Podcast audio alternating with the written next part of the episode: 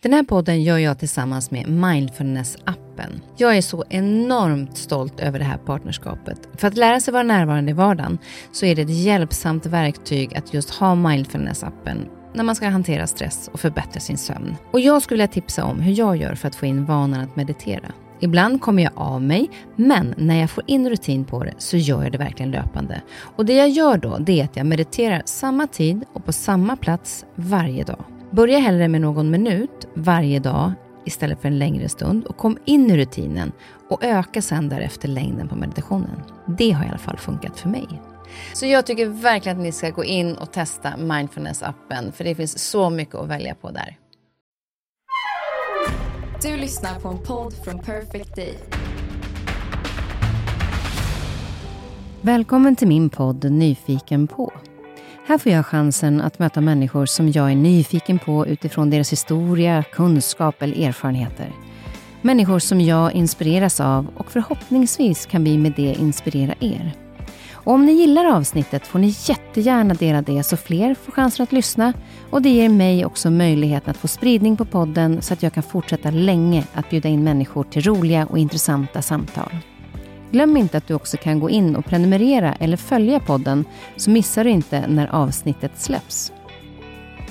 Veckans avsnitt har jag bjudit in en av de ledare som jag beundrar mest, Eva Hamilton. I åtta år var hon VD på Sveriges Television, men började sin yrkesbana som journalist, som skribent och det ledde sedan till att hon blev nyhetsreporter på SVT och även utomlands som utrikeskorrespondent.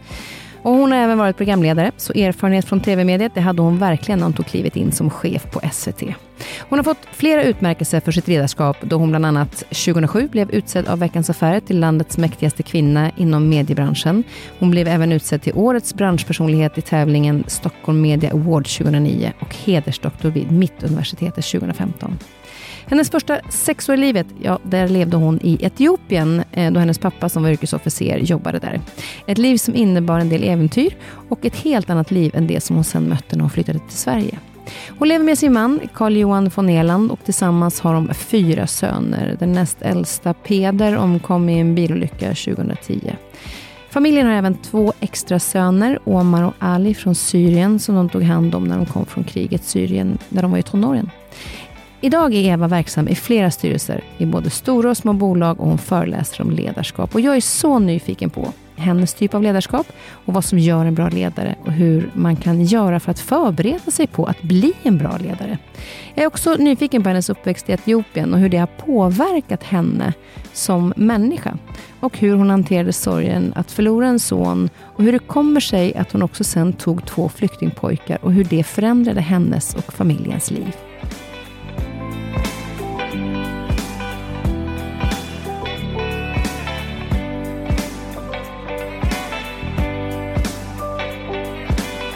Välkommen Eva.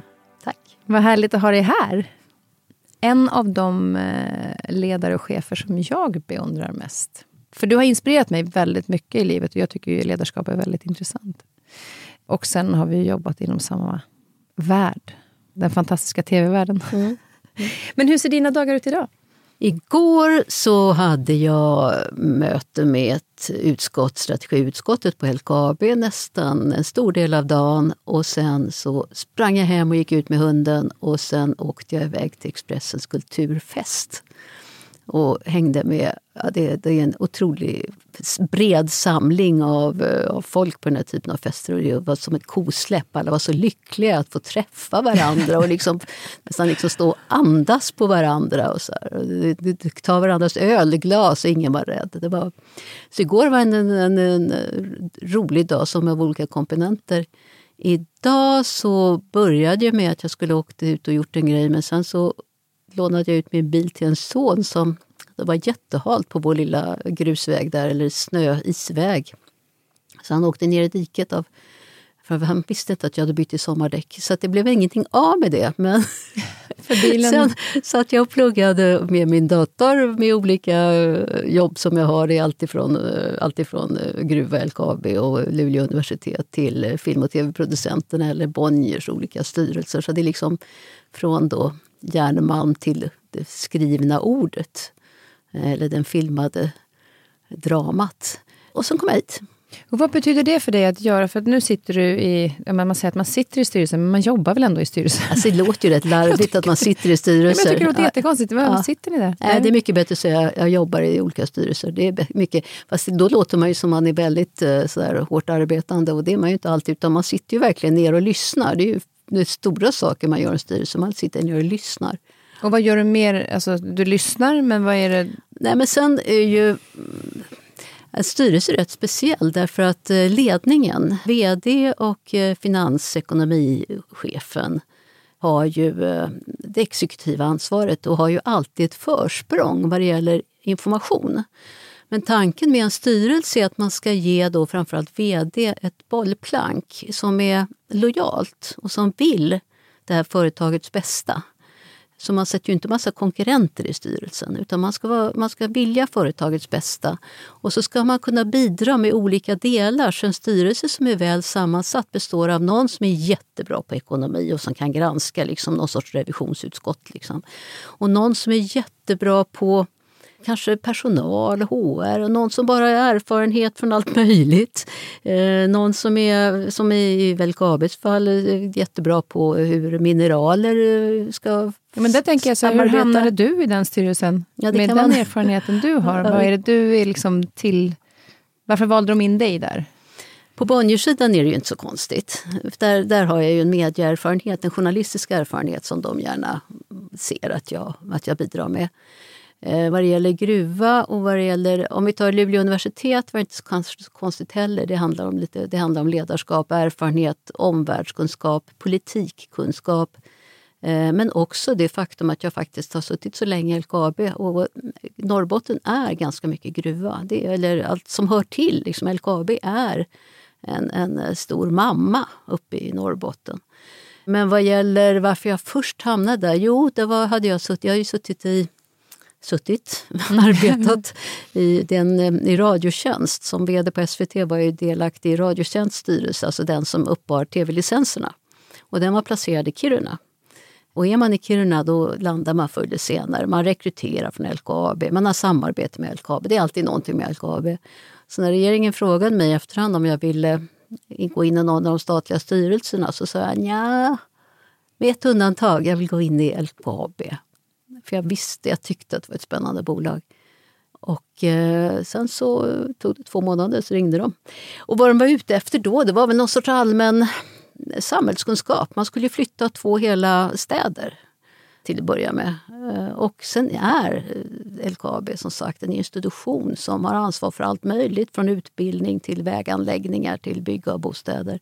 Det är sån, för jag tycker det är en sån härlig spridning i det mm. du gör idag. Och när du, innan vi tryckte på här så gick du igång direkt och började prata om LKAB och allting som sker mm. i, i, gruvan och hur man tänker just också miljömässigt. Det är ju, alltså det här, LKAB, SSAB och Vattenfall har, drar ju tillsammans det största miljöprojektet i Sverige och dessutom den största industriinvesteringen i Sverige någonsin.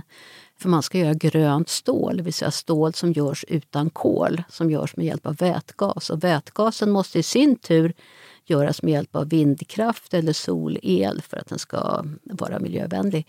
Lyckas Sverige med det här, då är det en revolution av hela stålmarknaden. Och stålmarknaden är det som bygger städer, det är det som bygger lastbilar, det som bygger båtar, det som bygger broar. Det är så för stålet står för så mycket av koldioxidutsläppen på jorden. Så lyckas Sverige med det här så är det en revolution i miljötänkande.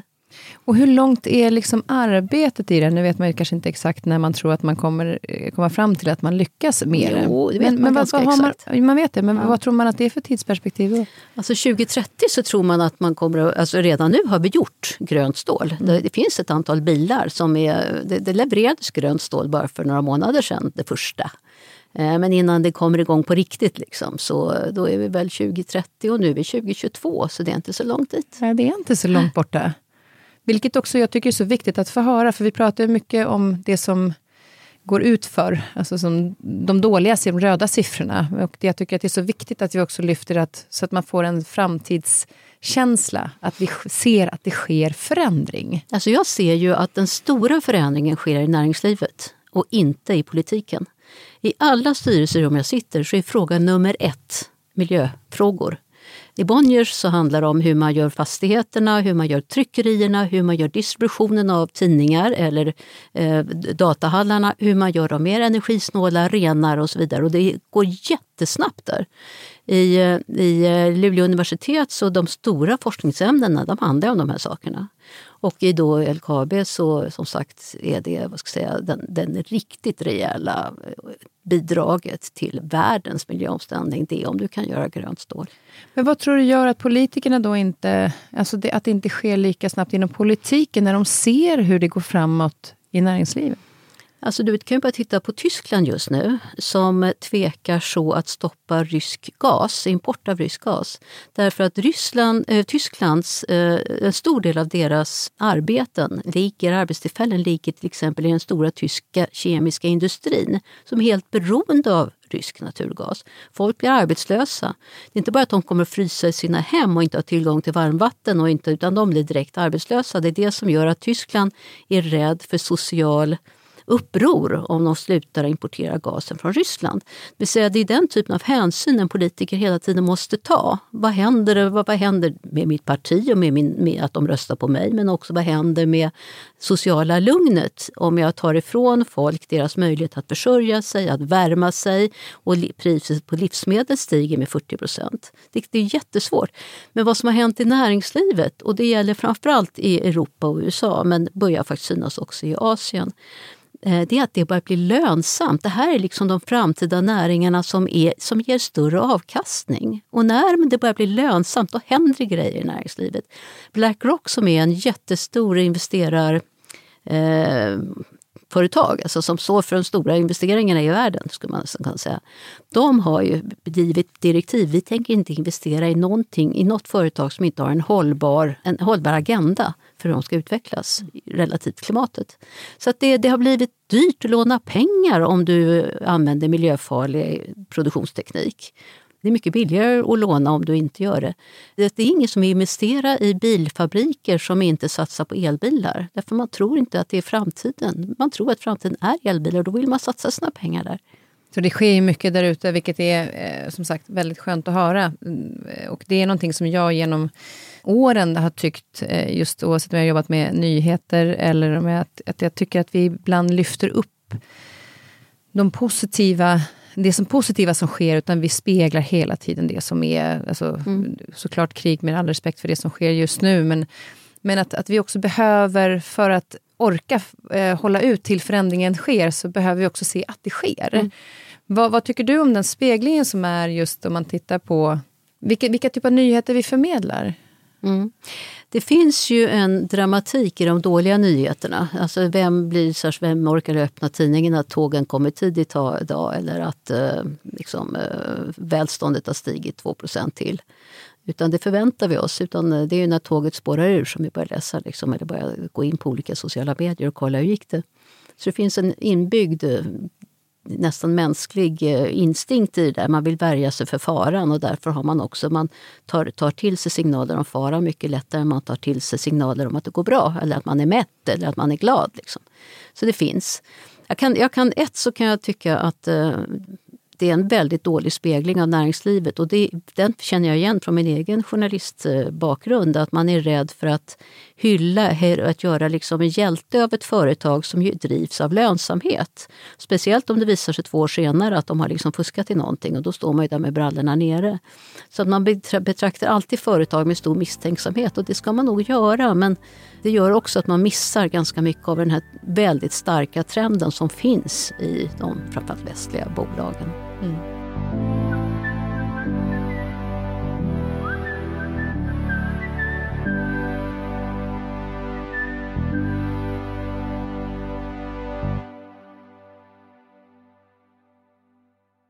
Men jag tänkte först att vi ska gå tillbaka lite grann, eller ganska eh, mycket fram till, eh, tillbaka till när du, eh, där du växte upp i Etiopien. För du bodde där, var det dina sex första år? Mm. Vad minns du från den tiden? Jag minns när jag kom, alltså vi är ju jättemycket i Östafrika för min man jobbar ju där. Eh, han har en, en eh, sån här safari-camp, alltså permanenta tält med badrum som är mitt i, ute i naturen eh, och med då restauranger. Alltså ganska lyxigt men du bor i ett, ett tält, du hör liksom allting. Och så är du ute på safari på savannen på dagarna. Eller ute och vandra kan det vara också. Det är i det här området där alla de här djurfilmerna inspelades. Du har ju liksom lejon bakom tältet, du har ju elefanterna vid vattendammet bara liksom 50 meter bort. Men det gör att eh, när jag kommer till denna delen av Afrika så känner jag igen lukter från när jag var liten. Jag känner en trygghet att sitta vid elden på natten med alla ljuden och med stjärnhimlen. För jag har ju suttit hela min barndom, eller lilla barndom, i ungas, yngsta barndom, satt jag ju såna, vid såna eldar och bodde i såna tält. För det var, vad jag förstår så var det ganska äventyrligt. Vi gjorde mycket ja, det här var ju slutet på 50-talet, början på 60-talet. Eh, det fanns ju knappt, ja, men det var ju propellerplan, det fanns, var väldigt svårt att komma dit. Man åkte dit en gång och sen åkte man ju liksom inte hem på julen utan då var man där i tre år till man så småningom skulle åka hem.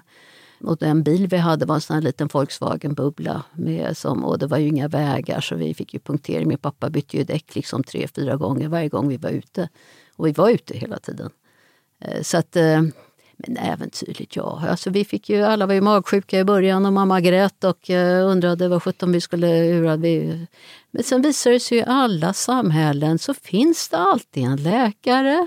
Det finns oftast någon sorts buss. Det finns oftast någon sorts fungerande livsmedel. Jag menar nu, det var inte så länge sedan som vi som det var översvämning när vi var ute och åkte. Och vi, det blev floden, alltså nu i Kenya, och floden svämmade över och vi kunde inte komma tillbaka. Vi var i en by, vi åkte förbi en by med vet, bara plåtskjul. Men något av de här skjulen så serverade man kaffe. Och då sa han som körde åt oss, ja, men finns det ett café då finns det en restaurang. Finns det en kvinna som lagar mat så finns det en restaurang. Det vill säga, vi gick in i det här plåtskjulet som serverade kaffe. Och eh, efter en eh, timme så hade hon avlivat en höna och plockat upp en, eh, ett kålhuvud och prästen hade kommit och bett mot en liten peng hyrde ut sitt vardagsrum och sen så var vi ju helt fine.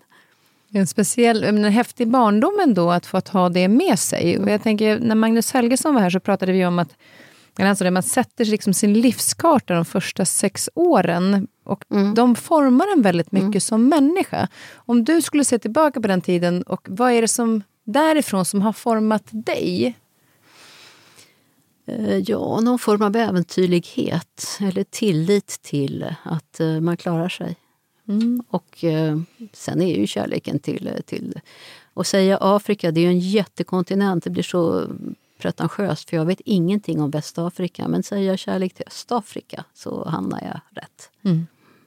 Men sen åkte du, eh, när jag lyssnat nu på intervju, så åkte du hem till din... Eh, ni, åkte, ni barn åkte hem till mormor och morfar när du mm. var sex, för mamma och pappa skulle iväg på någon mm. resa. Ja, de kom ju inte hem. De stannade ju kvar ett tag. De blev kvar ett tag. Och till, och till min och min systers förtrytelse dessutom med min äldre bror som fick följa med medan vi ansågs för små. Var det därför inte ni fick följa med? Du hör, du är, ja, du är fortfarande 60 år senare är fortfarande indignerad. ja, för det blev ju också en ganska stor chock, för det var ju en väldigt stor förändring. Alltså, jag tror man gjorde så på den tiden. Jag har vänner som liksom blev placerade hos farmor i två år för att pappa skulle åka och doktorera i USA och mamma följde med och lämnade barnen hos farmor. Liksom. Jag har vänner som har bott på barnhem under somrarna när föräldrarna skulle iväg någonstans. Liksom det, var någon, det var en annan grej. Nu är vi ju skärrade om vi lämnar våra barn tre dagar och tror att de ska få trauma. Ja, exakt. Men det jag kan tänka mig just den här eh, krocken som blev att från att vara i Etiopien och sen komma till Sverige med dagis, så som det, man kallar det då? Ja, det, och det vägrade jag gå på då. Eh, ja, nej, visst var det en krock, men det är ingenting. Alltså, jämfört med vad folk är utsatta för så... Nej, nej men jag tänker just det här, vad, det, vad, det, vad man lär sig utav då. Vilken, vilken del av, att en del av livet har ju ändå att fått uppleva Etiopien och sen komma hem till Sverige och möta mm. den kulturen. Mm. Jag var så liten, jag var ju sex år, så att jag, jag men eh, det som Etiopien gav oss att våra föräldrar vågade åka iväg med tre små barn. Och eh, helt liksom på det sättet de gjorde. Och det här är mitten av 50-talet, det är slutet av 50-talet, början av 60-talet.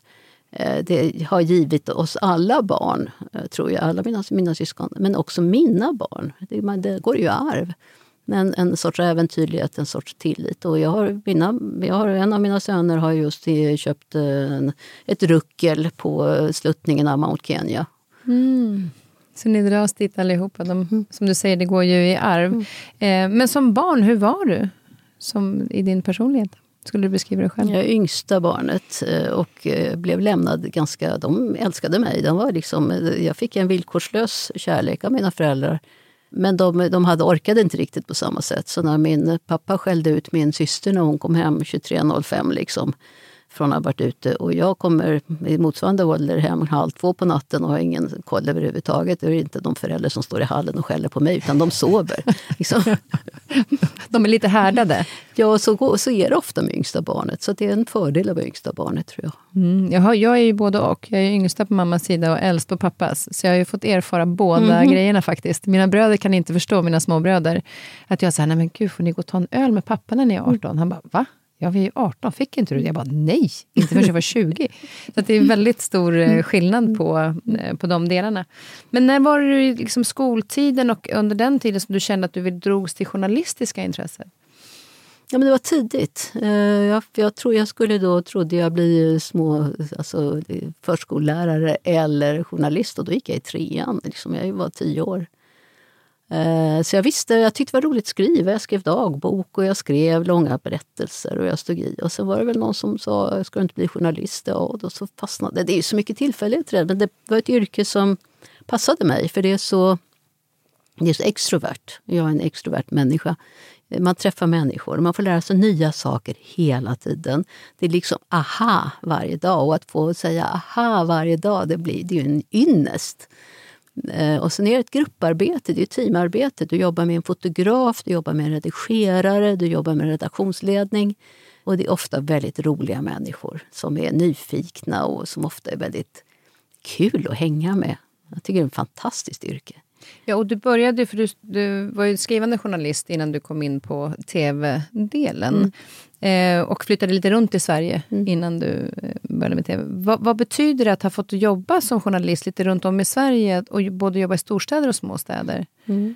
Jag kom ju till, till uh, Sydsvenskan först som sommarvikarie och ung och, liksom, uh, och fick åka. Och du vet, då, då var det sån här lokalavdelningarna, på, eller lokalsidorna, det, var ju liksom, det hade grävts något, man var rädd för att diket i Bunkeflo var så djupt så att barnen skulle ramla i. Eller det var grillfest i eh, ja, Skillingaryd, eller det var tjurutställning. Alltså det var ett... Eh, man fick, och, och, man lärde sig också att ofta är det de artiklarna som läses mest. Jag gjorde någon artikel om någon liten ponnykjur som inte fick avla för att en ponnyhingst som inte fick avla för han hade sneda hovar eller vad det var. Och, eh, och det var bild på honom på första sidan och då sa redaktionssekreteraren att du har nog gjort dagens mest lästa artikel och då skrattade jag lite generat för det tyckte jag inte att, men det är nog sant. Men sen så, så hamnade jag på Aftonbladet och det var en ganska tuff miljö och där, det, där passade inte jag alls. Det var, Varför inte det? Den var killig, eh, otroligt killig. Och det var chefer som... Man skulle liksom åka hem till folk två på morgonen och slänga upp en eh, blixt i ansiktet när de öppnade i pyjamas och ställda till svars för olika grejer. Det var en väldigt anklagande form av journalistik eh, som jag har svårt och eh, ofta väldigt felaktig. Mm. Nej, jag, jag, jag, eller så var jag inte tillräckligt tuff för det helt enkelt. Jag kan ju tycka att den journalistiken, med tanke på min erfarenhet kanske, inte är... Eh, jag tycker att de förstör lite grann för många andra bra journalister. Jag tror att du har blivit, eller dina föräldrar har blivit utsatta för den. Mm, verkligen. Och det intressanta är när jag pluggade journalistik själv så, mm. så satt vi på en föreläsning och då säger säger de till exempel att, att eh, vi måste vara väldigt måna som journalister om hur vi, alltså innan man visar en bild på en person i tidningen. Och, eh, då tog han exempel att om en mamma har eh, en mamma till en pojke eller en man som har dödat någon till exempel. Att hon får inte visa sitt ansikte för hon förstår inte mm. konsekvenserna av det. Mm. Även om hon då, eh, och, men däremot så behöver vi inte skydda de kända personerna. För de har valt att vara här. Och då är, då är ribban för vem som är känd väldigt lågt satt. Ja, och någonstans också, det är väl också människor. Så vad är det som gör att man inte skyddar dem Alltså, Samtidigt, det här är ju komplicerat, att, eh, att vi har så otroligt koll på våra politiker. Eh, ibland omänskligt hård koll. För det är liksom lokala lokalpolitiker som... Ja, haft väldigt lite erfarenhet av. Men det gör ju också att korruptionsnivån i det här landet är väldigt låg. Ja, det finns ju en koppling mellan den här fria granskande, ganska tuffa pressen. Men ska jag säga, både Aftonbladet och Expressen som jag jobbar med idag, eh, det är ju ett helt annat klimat än vad det var då när jag började som journalist. Både den här mm, killigheten, den manliga hö, hö, hö, sitta och, de var ju, det, var ju, det var en starkölskultur och det var en eh, antisex, eller snarare sexualitetskultur som var obehaglig. Den finns inte. Den, är, den har ju i närmaste försvunnit. Och eh, även de estetiska, eller etiska frågorna som de här tidningarna idag ägnar sig åt. Det, finns en väldigt hög medvetenhet om just det här du säger. Visa inte ansiktet på en anhörig. Mm. Eller använd, var försiktig när du använder folk. Tidningar, på redaktionerna, man vet ju en förfärlig massa saker som man antingen inte kan få bekräftade eller inte tycker är relevant att skriva om. Den kunskapen finns ju för det finns också en ansvarskänsla. Så det, det, har, det har ändrats mycket men då, då eh, kan det ha varit eh, mitten på 70-talet, eh, slutet av 70-talet, så var det tufft på de här redaktionerna.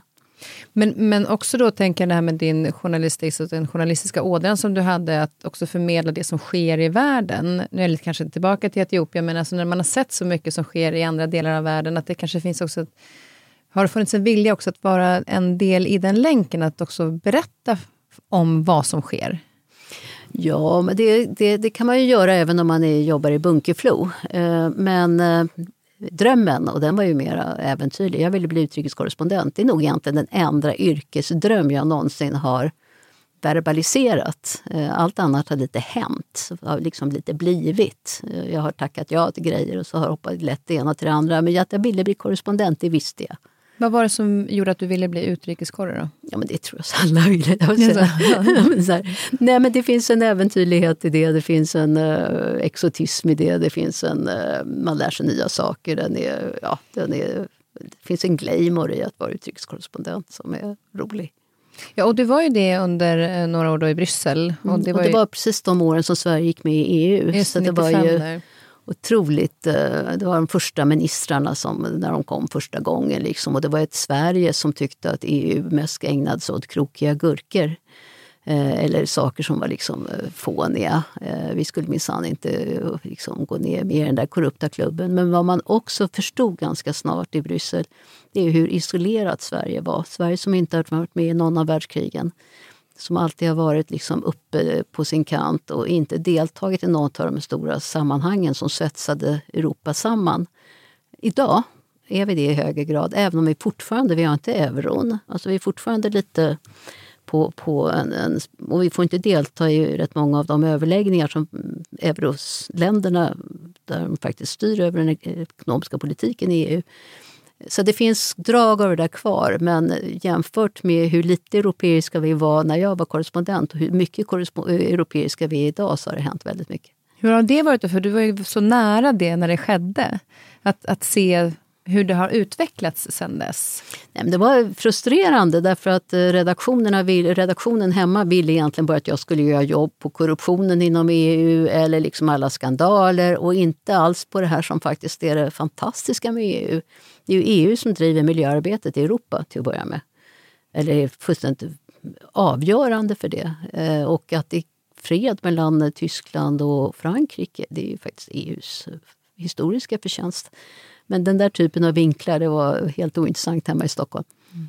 Där ser man ju den här, återigen, den här neg alltså, mm. negativa sidan och så vill man lyfta det som, som mm. sker. Men det, det, har ju kommit mer och mer och eh, kan ju också känna nu att man, om man följer Alice Bakunke till exempel, att, hon, att man får så mycket också information direkt ifrån dem, mm. vilket också är väldigt härligt idag. För mm. det blir ju, även om det är riktigt att hon är inom ett visst parti, så får man ändå på något sätt komma mm. in i mm. huset mm. där. Och det, det kan jag tycka. Men om du tittar då på din journalistiska bana, för ibland kan man ju vara med om vissa händelser som sätter sig lite extra. Jag var, när jag var med Nyhetsmorgon, så det, man går ju igång såklart när någonting sker i realtid, när, när man jobbar på en nyhetsredaktion. Och eh, jag kunde faktiskt tycka att det var det jobbigaste med, jag älskade att jobba med Nyhetsmorgon, men det jag tyckte var jobbigt var att man började varje morgon med att, att egentligen se massa skit som händer i världen. För mm. det påverkade mig i mitt humör över dagen ibland. Jag hade svårt att separera det. Men det som var häftigt en gång, det var ju när den här gruvan i, i Chile, det, när det raset var. Och det var, jag tror det var på 700 meters djup och de satt eh, där inne, 69 personer tror jag det var, som var i 69 dagar. Och i realtid så började de ta upp den ena efter den andra. Så vi kunde rapportera varje timme för hur många som hade kommit upp efter de här 69 dagarna. Och alla räddades. Det är en sån grej som jag bär med mig som att jag fick vara med då och hela den pirret i kroppen som skedde. Här pågår på torget där jag står en stor folkfest. Alla lokala band spelar och folk dansar. Folk tar omkring med flaggor på gatorna. Men det har varit en stor fest. Inte bara här i Copiapó utan i alla byar och städer runt omkring och i huvudstaden Santiago också. Har du någon sån händelse som du har med dig där du fick följa det på det sättet? Det är, såna finns det många av. Eh, den som eh, har ärrat mig mest och som har liksom eh, än idag ger mig panik när det händer stora grejer och jag följer SVT. Jag vill ju att det ska gå så bra för SVT som jag ju varit chef för i många år. Det var när jag var ny chef. Jag var nästan sprillans ny chef för nyheterna, alltså nyhets, hela nyhetsdivisionen. Och eh, dagen innan så hade vi digit- bytt teknik från analog till digital. Alltså alla utsändningar, alla kontrollrum skulle skickas. Det var, alltså man använde sig av den digitala tekniken istället som är ett jätteskifte. Ganska osäkert. Vi hade hållit på att träna länge. Det här var den 10 september. 11 september så ser vi två, vad vi tror, först ett litet sportflygplan som vi tror har flugit vilse som flyger in i de stora tornen på Manhattan eh, World Trade Center. Och eh, förstår ju först inte omfattningen av det. Sen utbryter ju en, eh, timmar av kaos. Eh, när dels ska man försöka få rapportering och sen så ska vi då ha, vi har ju tre kanaler. Vi har ettan med Rapport, tvåan med Aktuellt och så hade vi någonting som hette SVT 24 som var en digital kanal som skulle vara jävligt snabb eh, nyhetskanal. Liksom med olika hierarkier. och i olika, vi hade inte fått, det, det var också ganska nytt, vi hade inte fått ihop det där ännu. Vi hade inte fått en ordentlig arbetsfördelning. Och så fanns det finska redaktioner som plötsligt också skulle ha finska nyheter mitt i alltihopa. Medan fyran hade en enda kanal och de pumpade och, och liksom gick och de plockade in sina kändaste programledare med samma. Och vi fick liksom, den första sex timmarna Ja, vi, vi sände ju oavbrutet, men det blev hattigt. Och det blev inte någon riktig linje i det. Och det var inte då att Claes Elfsberg liksom kommer in som tryggheten personifierad och så kör han i sex timmar i en enda kanal. Utan det hoppades fram och tillbaka. Och vi fick så mycket eh, kritik för det. Det där har ju fastnat hos mig som ett R. Eh, den där beredskapen när det plötsligt händer. Plötsligt ett oförberett och dessutom under, mitt under teknikskiftet smäller till. Så nu när, jag, när eh, kriget i Ukraina såg ut så stod jag med hjärtat i halsgropen och tittade på SVT i gryningen där liksom, om de skulle klara det. För jag, har, jag känner hur det där fortfarande smärtar. Den, den, att det triggar igång också någonting som man har med Att jag känner mig så till- otillräcklig som chef. Eh, Vad som händer med den här typen av kriser är att i efterhand är de nästan alltid, de leder alltid till något bra. För det är klart att vi, sen när nästa kris kom, det var när Anna Lindh mördades, då var vi ju fruktansvärt förberedda på hur man skulle hantera det mellan Ja, både vilket, hur vi skulle skaffa, liksom, hur vi skulle direktsända och, mellan, och synka mellan redaktioner och kanaler och allt vad vi höll på med.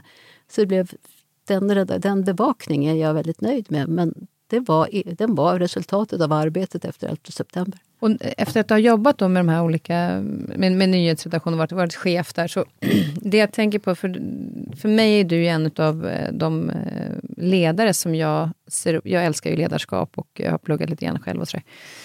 Som jag ser upp till mest. Och då har jag ändå inte jobbat direkt under dig, men det, det finns en tydlighet och en värme i kombination som jag tycker väldigt mycket om. Men det var faktiskt just där jag själv råkade ut för dåligt ledarskap som gjorde att jag själv började plugga. Eh, och jag kan uppleva att man i, i vissa eh, yrkesgrupper och även inom där vi jobbar, att man säger att du är en bra redaktör. Eh, fantastisk redaktör och plötsligt så blir du chef för en avdelning men du får ingen utbildning i ledarskap utan du är bra på det där andra men det, jobbet krävs ju, det är ju Mm. någonting helt annat och också vara ledare. Hur blev din övergång ifrån, för jag vet att du fick ändå plugga ledarskap. Ja, var det det Sam Nilsson som... Ja, samma, eh, jag fick gå en, en, en utbildning eh, med en fantastisk eh, lärare, coach där för övrigt. Men jag, är inte, jag har aldrig sett mig själv som särskilt lämpad för chefskap. Eh, för jag har alltid Varför varit, inte det? Nej, men jag, jag tror och har alltid tyckt att jag inte är tillräckligt eftertänksam eller tillräckligt cool eller tillräckligt ja, cool i, i kritiska stunder. Jag blir liksom upphetsad och jag blir nervös, jag blir rädd, jag blir glad, jag blir jag är spontan, jag är en spontan typ. Eh, och det går ju väldigt fort i korridorerna när jag springer och jag tar snabbt beslut. Och jag, liksom, eh, ja. och jag har alltid trott att, jag har ju haft såna här gubbar till chefer, alltså äldre män som varit väldigt värdiga. Eh, såna här, liksom auktoritära, auktoritärt, ofta med varma hjärtan, men auktoritärt värdiga. Liksom. Och det är ju inte jag alls på det sättet. Så det där var ju en skola. Eh, I efterhand kan jag se att nej, men jag hade kanske några egenskaper som, som eh, var bra eh, men, för ledarskap, men jag var ju tvungen att lära. Lära just att inte ta beslut i korridoren. Förlägg alla beslut till ett ledningsmöte där du har flera stycken kloka människor runt omkring dig. Du hinner förbereda. Det är på tisdag och alla vet att det är på tisdag och då vet man att det kommer beslut på tisdag eftermiddag. Och alla har hört beslutet. Det är inte så att Tor hörde någonting och, och Lena hörde något annat för jag liksom hittade på det i korridoren. Utan gör det systematiskt. Det är lärdom ett.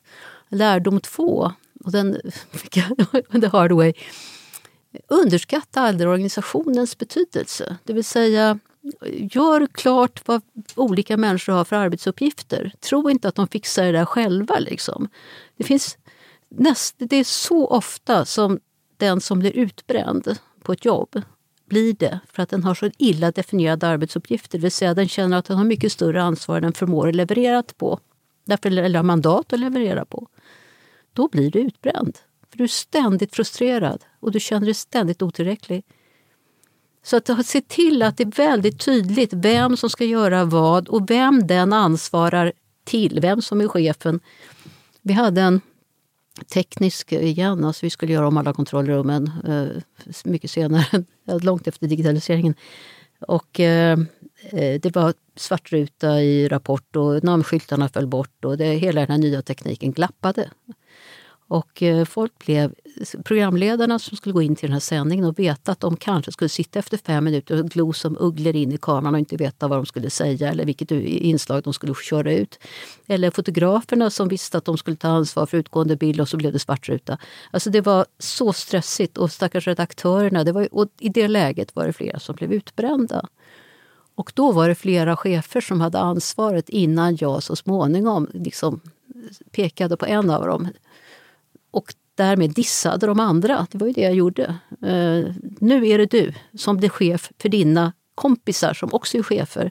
För det är en som ska ha ansvaret för alltihopa det här. Och då först redde vi ut det. Men det var också en erfarenhet. Du kan inte tro att folk ska hålla på och komma överens om grejer. För det är så mycket prestige och det är så mycket... Eh, det ska vara väldigt tydligt vem som gör vad. Mm. Och tydlighet är väl någonting som är just inom ledarskap. Och mm. Jag satt och tittade på din eh, föreläsning där också säger att att vara snäll, mm. men det är du som bestämmer. Mm. Och den, eh, nu tycker jag att det har blivit bättre, men förut så var det liksom, en chef pekar med hela handen och nästan måste vara inte arg, men alltså så, använda en djup ton för att man skulle förstå allvaret. Man kände att den där snällheten fanns inte, och inte heller sårbarheten. Och där vet jag att du har pratat om att du kan vara sårbar även i, en roll, i din chefsroll. På vilket sätt kan du visa din sårbarhet? Ja, men det ena är just att, att vara snäll. Folk som försöker vara snälla genom livet, det lönar sig. Liksom det att vara snäll betyder inte att du är ett mähä. Att vara snäll är att jag vill dig, min medarbetares bästa. Och just nu ser jag att du har, för din mamma är sjuk och din unge har ADHD och själv ligger du i skilsmässa. Jag ser att du inte kommer att kunna leverera på fullt ös. Och då ska jag hjälpa dig under den här perioden. Eller jag ser att eh, någon medarbetare är väldigt osäker och behöver ett ex, en extra klapp på, hals, på, på axeln bara. Gå förbi och bara ge den, den är ju gratis. Liksom. Eller någon har varit otroligt satsat så in i Norden och är så stolt över vad han eller hon har gjort. Då ska inte jag stiga fram där och inviga den här nya, vad det nu är för någonting. Utan då ska jag liksom säga, och nu kommer Ann-Kristin som har och så får hon berätta om den här fantastiska saken. Så hon får ta credden. Eh, det handlar om. att vara generös, att vara... Alltså, prestige är faktiskt någonting ganska värdelöst. Du, du är, prestige är, vad ska du med det till? Liksom? Det är ingen som... Eh, den är gratis. Mm. Ja, men exakt. Janne Andersson var jag här eh, för kanske ett år sedan.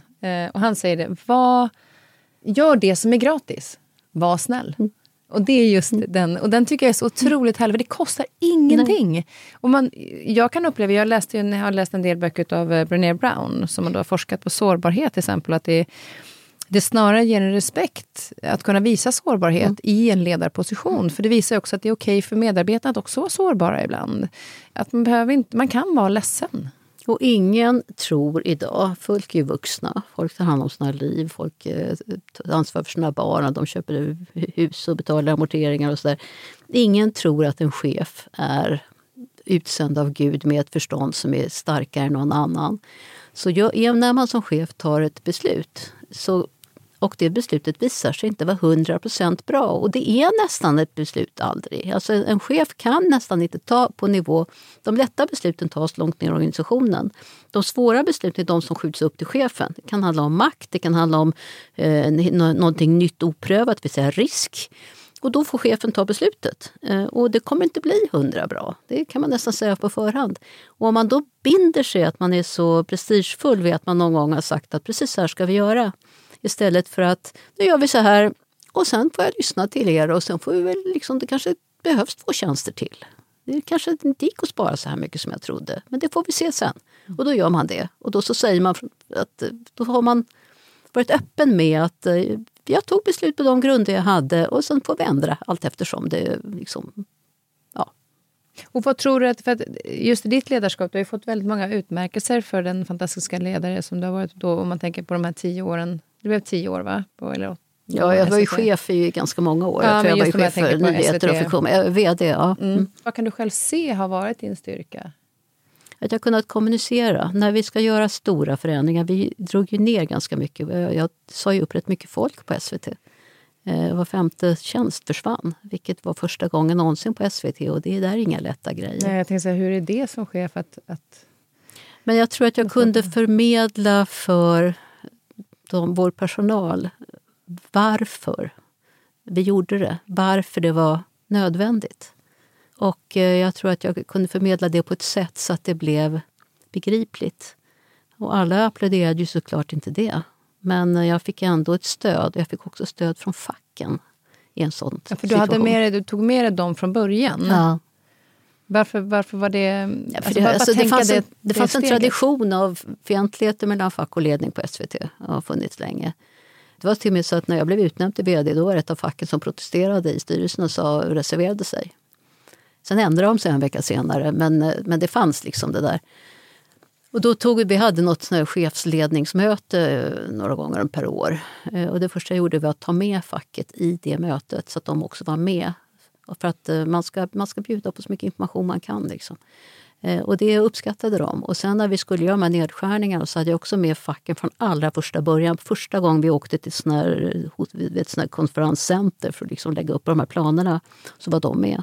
För att de, dels var de kloka och bidrog och dels så följde de samma process som alla andra eh, som fanns i ledande ställning. Och det gjorde att det var lättare att omfatta och gilla, eller gilla, liksom acceptera beslutet. Mm. För du kom ju in i en tid där SVT, alltså, som har varit då det största, inte var det längre, utan mm. TV4 gick väldigt bra. Mm. Och det är ju ett, ett eh, har ju sin historik. Liksom. Jag vet bara när jag kommer in i den där studion, nu har jag jobbat där i många år också, men jag har även varit med mamma när jag var liten på studiegolvet. Och det är ju något speciellt att komma in i SVT, men det är det här lite, lite statligt, men det, det, är som det är. Att ändå förändra en institution på något sätt som är så fastgjutet. Mm. Var, det en, var det en tuff eh, liksom, omvandling mm. för att möta det som man såg att faktiskt tittarna ville ha? Mm. Men det var, ju, alltså det var ju kris på SVT därför att eh, TV4 hade gått om och TV4 hade också börjat liksom ta de här riktiga liksom, eh, kristallprogrammen, typ Nobel. Eh, nationaldagen, alltså alla tittar inte på nationaldagen men det är en symbol för Sverige. Eh, det började också, alltså Göran Persson som var statsminister, han, han höll sitt tal i TV4, inte SVT. Det var också tal om att på valnatten så skulle politikerna komma först till TV4s valvaka och inte till SVT. Det vill säga att TV4 höll på att ta rollen som institutionen av medieinstitutionen i Sverige. Och det är klart att det här var en kris på SVT. Eh, det var klart att man var otroligt eh, tappade självförtroendet. Skulle vi bli som, skulle vi vara som TV4? Skulle vi vara lite hejigare och svejigare och lite häftigare och varmare och gulligare? Liksom? Eller skulle vi fortsätta att vara mycket liksom, korrekta och kultur och, och liksom, eh, ja, upp, folkupplysande? Det där blev ju en, en, en balansgång. Eller en, och då tror jag att då rekryterade jag ett antal, bland annat Annie Wigelius som var mm. programdirektör. Eh, och hon kom ju direkt från de privata produktionsbolagen. Hon kom ju direkt från liksom kommersialismens eh, centrum. Men hon är otroligt klok och bildad och vidsynt människa. Eh, och hon sa att vi måste noppa koftan. SVT-koftan, den måste noppas. Eh, och då gjordes det, eh, då var då vi gjorde kanalförändringar, och vi gjorde programledarförändringar och innehållsförändringar och framförallt rätt mycket ekonomiska förändringar som gav förutsättningar för det här. Och sen gick vi om TV4 mm. igen. Men och det är också så roligt, SVT tittar på, på TV4 som lite så här färgglatt och glättigt, men också så hur man också kan kombinera det. Att, att jag tycker också att SVT har blivit lite mer färgstarkt och inte så grått som jag kanske upplevde det tidigare. Men det finns fortfarande en tyngd i det, vilket jag också mm. faktiskt tycker att TV4 mm. har. Mm. De har också en tyngd i det, men också färgen. Mm. Och det är väl det som gör i alla fall att jag orkar se de här eh, debattprogrammen och så. Därför att jag vet att jag får vila ögon på någonting annat sen. Jo, men eh. människan är ju komplex. Mm. Alltså, människan behöver både få skratta och dansa och bekymra sig och planera.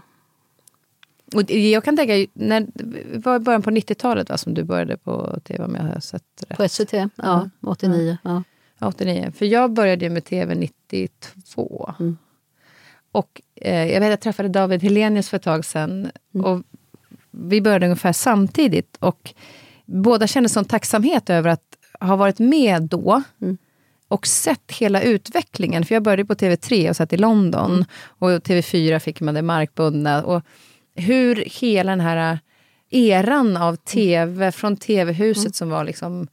Vad tycker du, om du tittar tillbaka på tvs utveckling, vad är det du känner när du tittar tillbaka på den i vad den har, mm. har hamnat? Ja.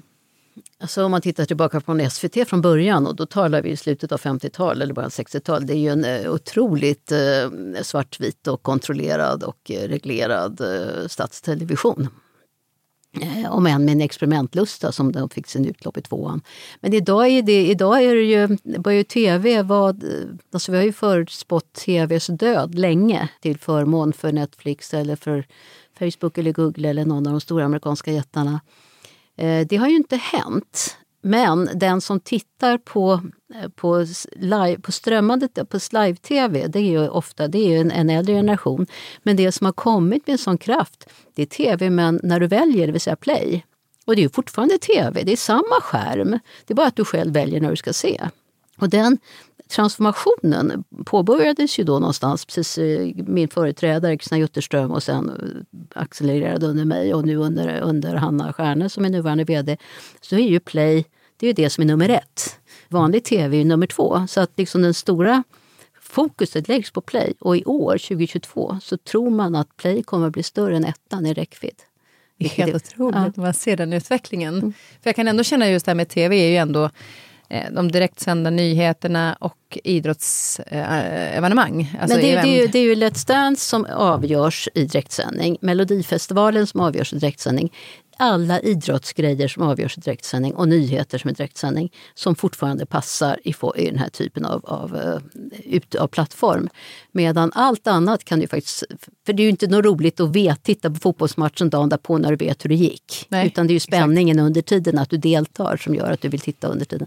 Det är det som gör att den här typen av direktsända evenemang har ju blivit så fruktansvärt dyra. Därför att alla vill ha dem. Det är för det är det som ger den stora tittarskaran.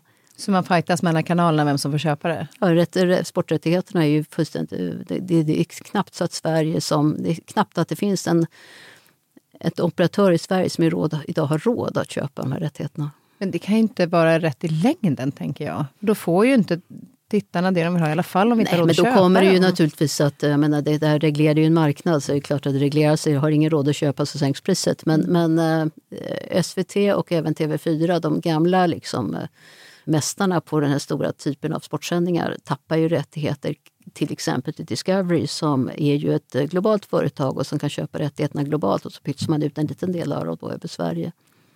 Det är så mycket som sker där bakom Mm. eh, kulisserna som vi inte riktigt eh, hänger med. Men det är ändå en, en fantastisk resa att, att få varit med, känner jag, att just i tv som har varit, som är så stort för många, Mm. i, i princip i alla hem. Eh, och så har man fått se den här resan. Mm. Som, eh, vill, finns det något program som du känner, eller en, eh, någonting som hände under de här åren som du känner speciellt att hjärtat slår lite extra för? Ja, det är svårt att peka på ett enskilt program utan det är mera eh, ettan och tvåans utveckling. Eh, Hur, hur vi liksom profilerade dem och fick till dem, liksom hur man knådade och fick till dem. Men framförallt Play. Alltså Plays eh, exempellösa. Det började ju som en liten grupp, du vet 15 stycken som satt och jobbade och som hade kepsar och som var helt frånskilda från det stora SVT. Och frågan var om man skulle försöka integrera dem, nej, då skulle de ju drunkna. Och det, skulle inte bli, det var mycket finare att jobba på ett, ett stort vanligt tv-program än att jobba på Play. Och idag är ju Play det är ju det som är den, den framtiden.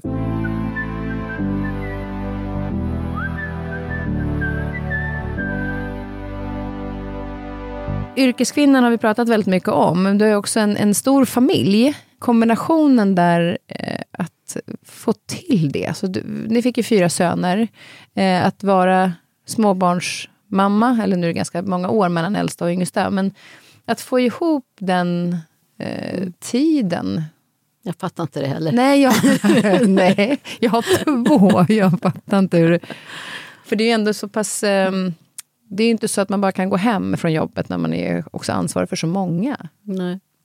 Eh, Det, jag är en bra man till att börja med, men jag, jag förstår inte heller riktigt hur vi gjorde det där. Men eh, många ad hoc-lösningar. Vi hade en underbar dagmamma som eh, så småningom slutade som dagmamma. Hon hämtade barnen eh, två dagar i veckan och lagade middag så det fanns när vi kom. Eh, alltså vi höll på sådär, eh, mycket. Men du hade också en väldigt fin, jag lyssnade på en podd när du sitter och pratar med din son, där han berättar om att ni hade en liten eh, promenad innan du skulle tacka ja till jobbet som chef för SVT. Mhm, Mm. Det var vår yngsta son eh, som ju var den som skulle bli drabbad hårdast av att jag skulle behöva jobba så mycket. Nej, jag, jag, jag frågade honom.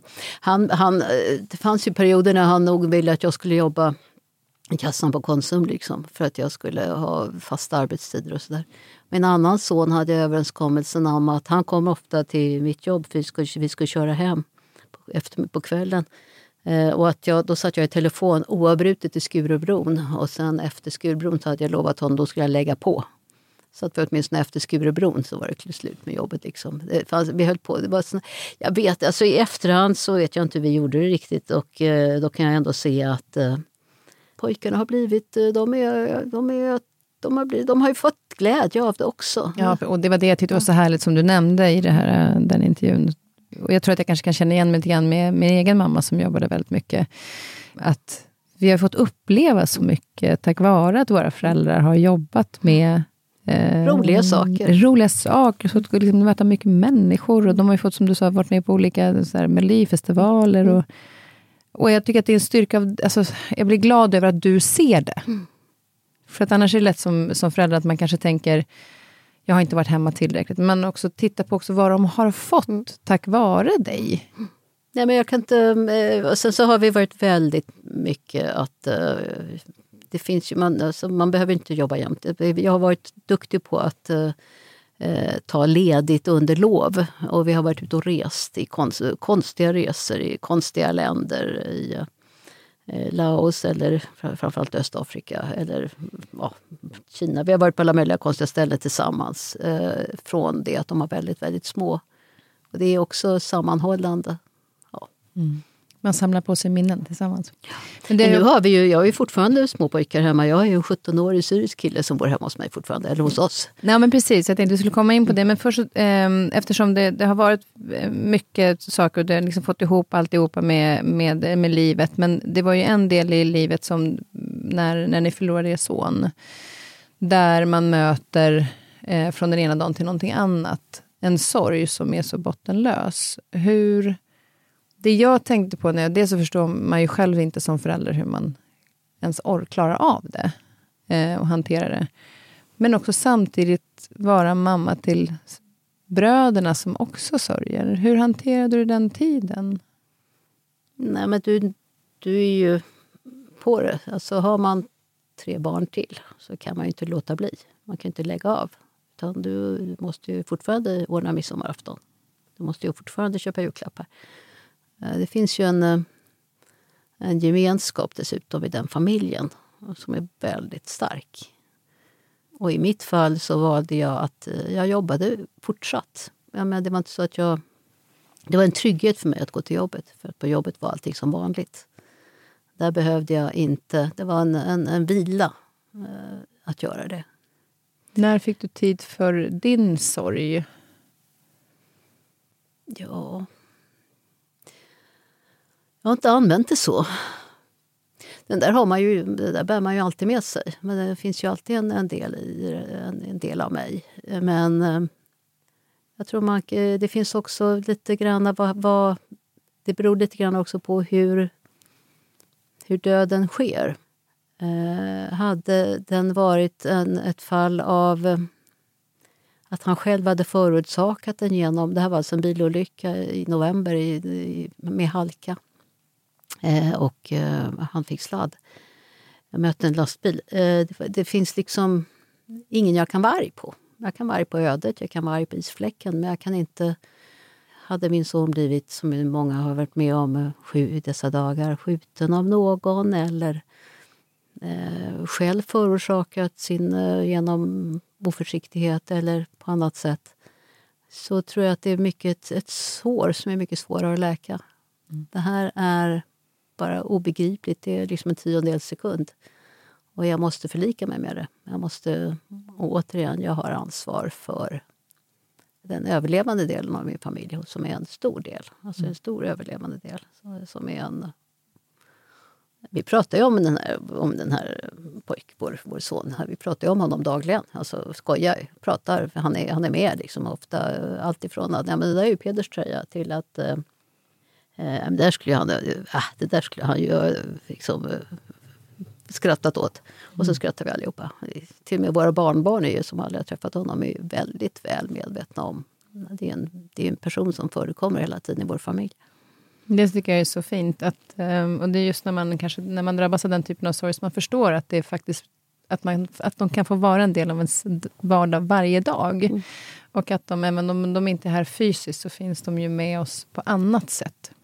Vilket har varit väldigt påtagligt. Men, men familjen har ju också blivit större, som du sa. Att ni tog hand om två stycken syriska pojkar. Vad, vad var det som gjorde att ni tog det beslutet? För då tänker jag att dina barn ändå börjar bli stora. Så Mm. Mm. Jo, men dels var det ju 2015 med den här stora flyktingströmmen tror jag näst, alla nästan kände att vi, det gäller att hjälpa till här annars kommer det här inte gå något bra. Eh, och då var det en slump. Eh, vår äldsta son träffade de här pojkarna i ett eh, väntrum mm, och började prata med dem. och så Facebook-kontakter och sen så hamnade de i ett flyktinghem i norra Sverige. Med, och det var väldigt mycket unga män av olika nationaliteter och religioner. Så det var inget bra. Och då så erbjöd vi dem att komma och flytta hem till oss och trodde kanske inte att det skulle bli så länge. Men det blev det. Så den, den, stora är ju stor nu. Han är 26 och han pluggar i USA och är otroligt, eh, otroligt duktig kille. Han är, eh, pluggar på Georgetown University och är väldigt framåt. Och, och just när jag läste om det så tycker jag det är så fantastiskt, för han hade ju ganska alltså, traumatiska ja, upplevelser. Han satt i fängelse och blev torterad. Som han är 17 år gammal blev han ju intagen efter han hade demonstrerat på gatorna mot uh, diktaturen. Och sen extremt torterad och svulten och tbc och jag menar, fruktansvärt. Alltså, en sån här mardröm, det som vi tyvärr ser upprepas gång på gång. Det finns en mänsklig grymhet som är helt jäkla obegriplig. Som eh, tar sig uttryck så, så regelmässigt. Och han var utsatt för den. Och han, apropå överleva med trauma, han har, ju, han har bearbetat sitt genom att prata. Han, han håller föredrag, han talar och han har, han har ju använt det som terapi nästan, att vittna. Och han vittnar ju också för att rädda sina medfångar. Men det är den stora. Den lilla bor i fortfarande 17 år och jag kan, liksom, jag kan bli lite förundrad att konstatera att jag sitter ju fortfarande och förhör om hur cellen är uppbyggd eller frihetstiden eller franska revolutionen. Och, alltså, och nu, nu ska vi in på, på andra, första världskriget. Och jag har gjort det här så många gånger och här sitter jag igen liksom, och får skjutsa till fotboll. Ja. Men, men och det är just det, när, för jag tänker att det är många nu som, som eh, i Sverige som öppnar sina hem, som har möjlighet att göra det och som tar emot flyktingar från Ukraina. Och eh, de som inte har möjlighet att göra det kan göra andra saker. Alltså vi ja. kan ju alla hjälpas åt på olika sätt. Men jag tänker så att du som har varit med om det här, hur, hur förändrade det ditt liv? Och vad skulle du ge dem för råd? Nej, men imorgon kommer en tjej från Ukraina med bussen till Polen och kommer till oss. Men hon ska bara bo där i 14 dagar. Jag kommer vara liksom ett mellansteg mellan där hon ska till en, en ett ställe som, där hon kan bo längre. Jag tror att det finns en sorts... Eh, ja, dels finns en sorts skyldighet, eh, tycker jag. Men eh, man blir så ofta så belönad. Eh, de här två syriska pojkarna vi har, då, åh vad vi har haft mycket eh, fantastiskt tack vare dem. Alltså mycket roligt och också kontakt med deras familj. Och så där. Jätte, en sån glädje. Och jag tror att den här flickan från Ukraina som är 19 år, kommer imorgon. Jag tror hon kommer, att, hon kommer säkert på något sätt göra ett avtryck i vårt liv också, även om hon bara ska bo hos oss i två veckor. Sen har jag en sorts sorglöshet eller en sorts tillit att det ordnar sig säkert. Jag orkar liksom inte tänka i fem steg till att ja men gud, tänk om jag hade tänkt från början att jag skulle ha en eh, han med syriska 17-åring, att jag skulle ha en pojke i tio år till liksom, och sitta och plugga med honom och, och skjutsa och oroa mig för att han kommer sent hem och allt det där igen. Jag orkar inte tänka de stegen. Jag tror på något sätt lite barnsligt att äh, det ordnar sig säkert. Eh, jag orkar inte fundera mer på att det inte skulle ordna sig. Och då ordnar det sig oftast. Men de har ju, ändå, de har ju också med sig en, då, traumatiska upplevelser som, som också måste bearbetas, som Omar, då, den äldsta, har gjort via att prata. Och, eh, kan det bubbla upp lite då och då i dem fortfarande? För man vet ju att så här, vissa saker som man har med sig sen när man var liten, mm. man sätter sig livskarta, mm. att det fortfarande kan... Eller kunde du se när det börjar fasas ut? Ja, de har haft väldigt olika sätt att hantera det på, bägge två. Eh, men, men eh, de är, apropå de första som du sa inledningsvis, att jag tror att du blev väldigt präglad av de första sex åren av ditt liv. De har haft en, en stabil och kärleksfull eh, uppfostran av en stor fin familj. Så att de hade mycket att luta sig, att liksom vila på när, när allt det här otäcka sen hände dem. Och den här flickan som kommer till er nu, hur, hur kom ni i kontakt med henne? Nej, men det var en, en god vän till mig som ringde igår kväll och sa att kan du?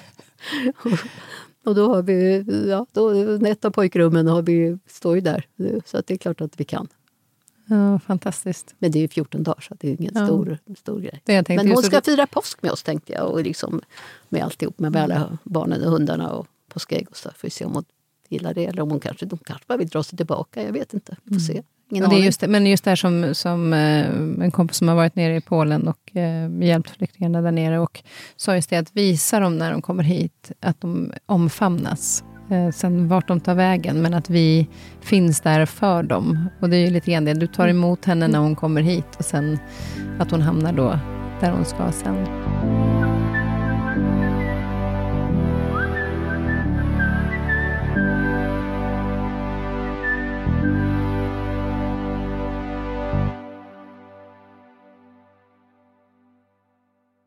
Men vad, vad, är livet idag utöver jobbmässigt? Det är ju inte pension, det, har, har jag, det kommer ju inte ske kanske på ett tag. Nej, men livet är gott. Eh, det handlar ju om eh, familj i väldigt hög grad. Alltså familj om familj, biologisk familj eller annan konstruktion av familj spelar egentligen ingen roll. Men en liten flock där alla vill varandras bästa. Eh, hur nu den flocken är konstruerad är ju fundamental för mig. Alltså otroligt viktig. Eh, så det är barnbarn och det är lite fix med dem och det är barn och ganska mycket fix med dem och det är ja, röjsåga på landet tycker jag är kul, måla. Allt det där. Väldigt praktiska med röja i skogen. Eh, jag har en bra man som jag har haft hela mitt liv, mm. sedan jag blev 20. Så länge han är frisk och lever och jag är frisk och lever och våra barn är friska och lever. Och det är inte självklart. Och det är kanske det man också börjar inse.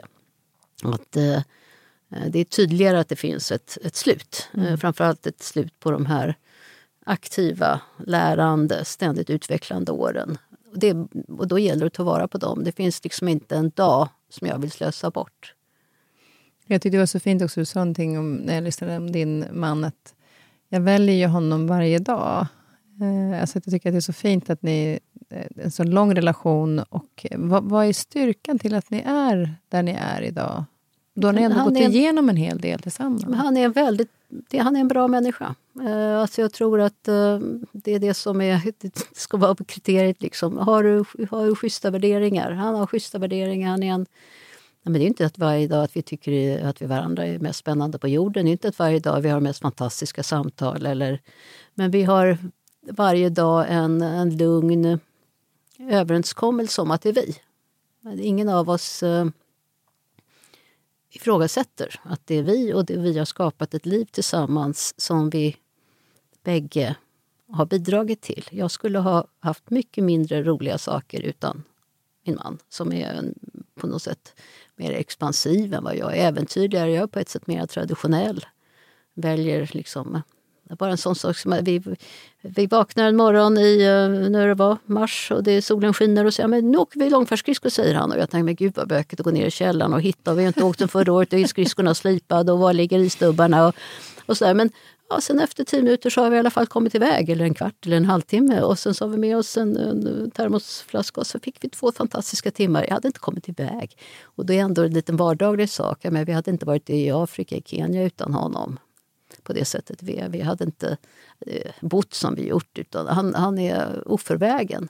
Han är en, och det är, en bra, det är en bra människa. Det är så fint att se. Eh, när du pratar om honom, dina ögon, eh, i den, att grundkärleken men finns. Men sen är han snygg. Jag tycker, jag tycker, Bara, jag kan till och med det. Jag kan titta på honom och tycka att han är, jag kan se att han är attraktiv. Liksom. Är, ja.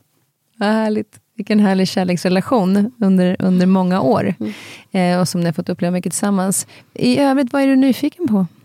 Ja, men jag är nyfiken varenda dag på... Alltså det, det är ingen slump att jag går igång på LKAB till exempel eller på Bonniers hela digitalisering av, av landsortspressen eller eh, hela den, hur nya medielandskapet ser ut och hur film och drama alltså, tas över av eh, operatörer på bekostnad av eh, biograferna. Det finns ju liksom och hela. Ja, nu låter jag så traditionell för det, men det, alltså det, det, jag är fortfarande journalist. Jag, är mm. fortfarande jag, jag läser tidningar oerhört mycket. Och jag, liksom, jag, redan morgondagens tidning läser jag på kvällen innan bara för att jag är så nyfiken på hur det ska gå.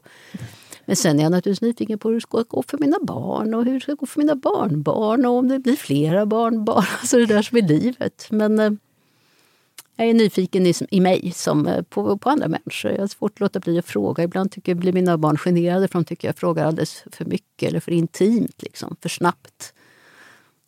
Men man vågar fråga. Alltså är man journalist så frågar man? Ja, man får på ett, ibland får man ju ha lite känsla för när man inte ska fråga. Och det, det kan de då tycka, mina barn, att jag ibland saknar.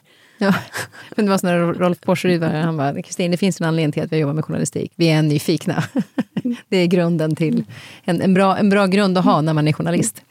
Vilken låt? Vi ska avsluta med en liten låt. Har du någon låt som du skulle vilja att vi eh, spelade när vi avslutar? Alltså, ja, det här med låt är ju svårt. För mm. men det kan ju, är man, vill man bara minnas och bara liksom, tänka stora tankar då, då tar man ju någonting gärna klassiskt. Vill man eh, bara skoja och skratta eller dansa. Alltså det, så det här med att välja låt tycker jag är otroligt svårt. Jag valde två eh, och den ena du får välja. Den ena är som, som någon av mina barn och barnbarn visade för mig häromdagen. Den heter Mamma, jag heter, det är bara en töntig dänga som eh, du hittar på Spotify. Men eh, mamma, jag heter mamma, jag jobbar som mamma, mamma.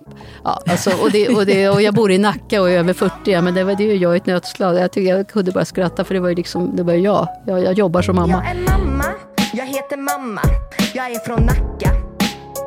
40 plus, känner mig tuff.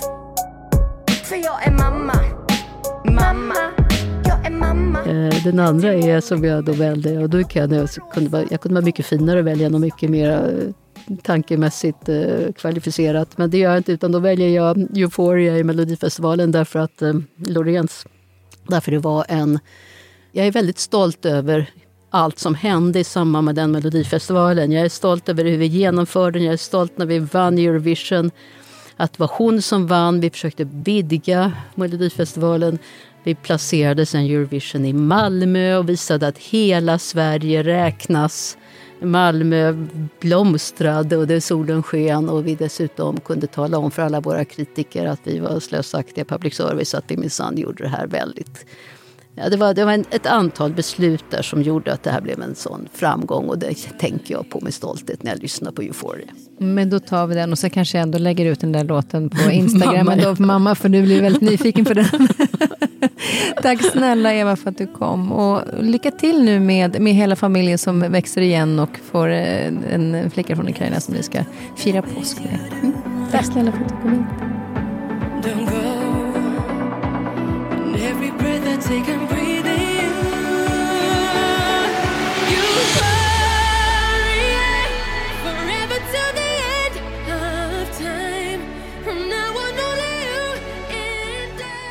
I nästa vecka träffar jag Petter Stordalen som grundat hotellkedjan Nordic Choice och eh, som också har gått in i bland annat Ving och Hurtigruten för att nämna några av de bolagen som han har investerat i. Pandemin slog hårt mot hans bransch, extremt hårt. Och nu har han skrivit en bok, Apollo-metoden, sju strategier som fungerar i kris. Som beskriver den rädsla han kände, den kämpaglöd han och hela organisationen hade och hur de möjliggjorde att hålla bolagen levande genom pandemin. Han säger själv att han är en annan person idag än det han var före pandemin slog till. Så missa inte nästa veckas avsnitt.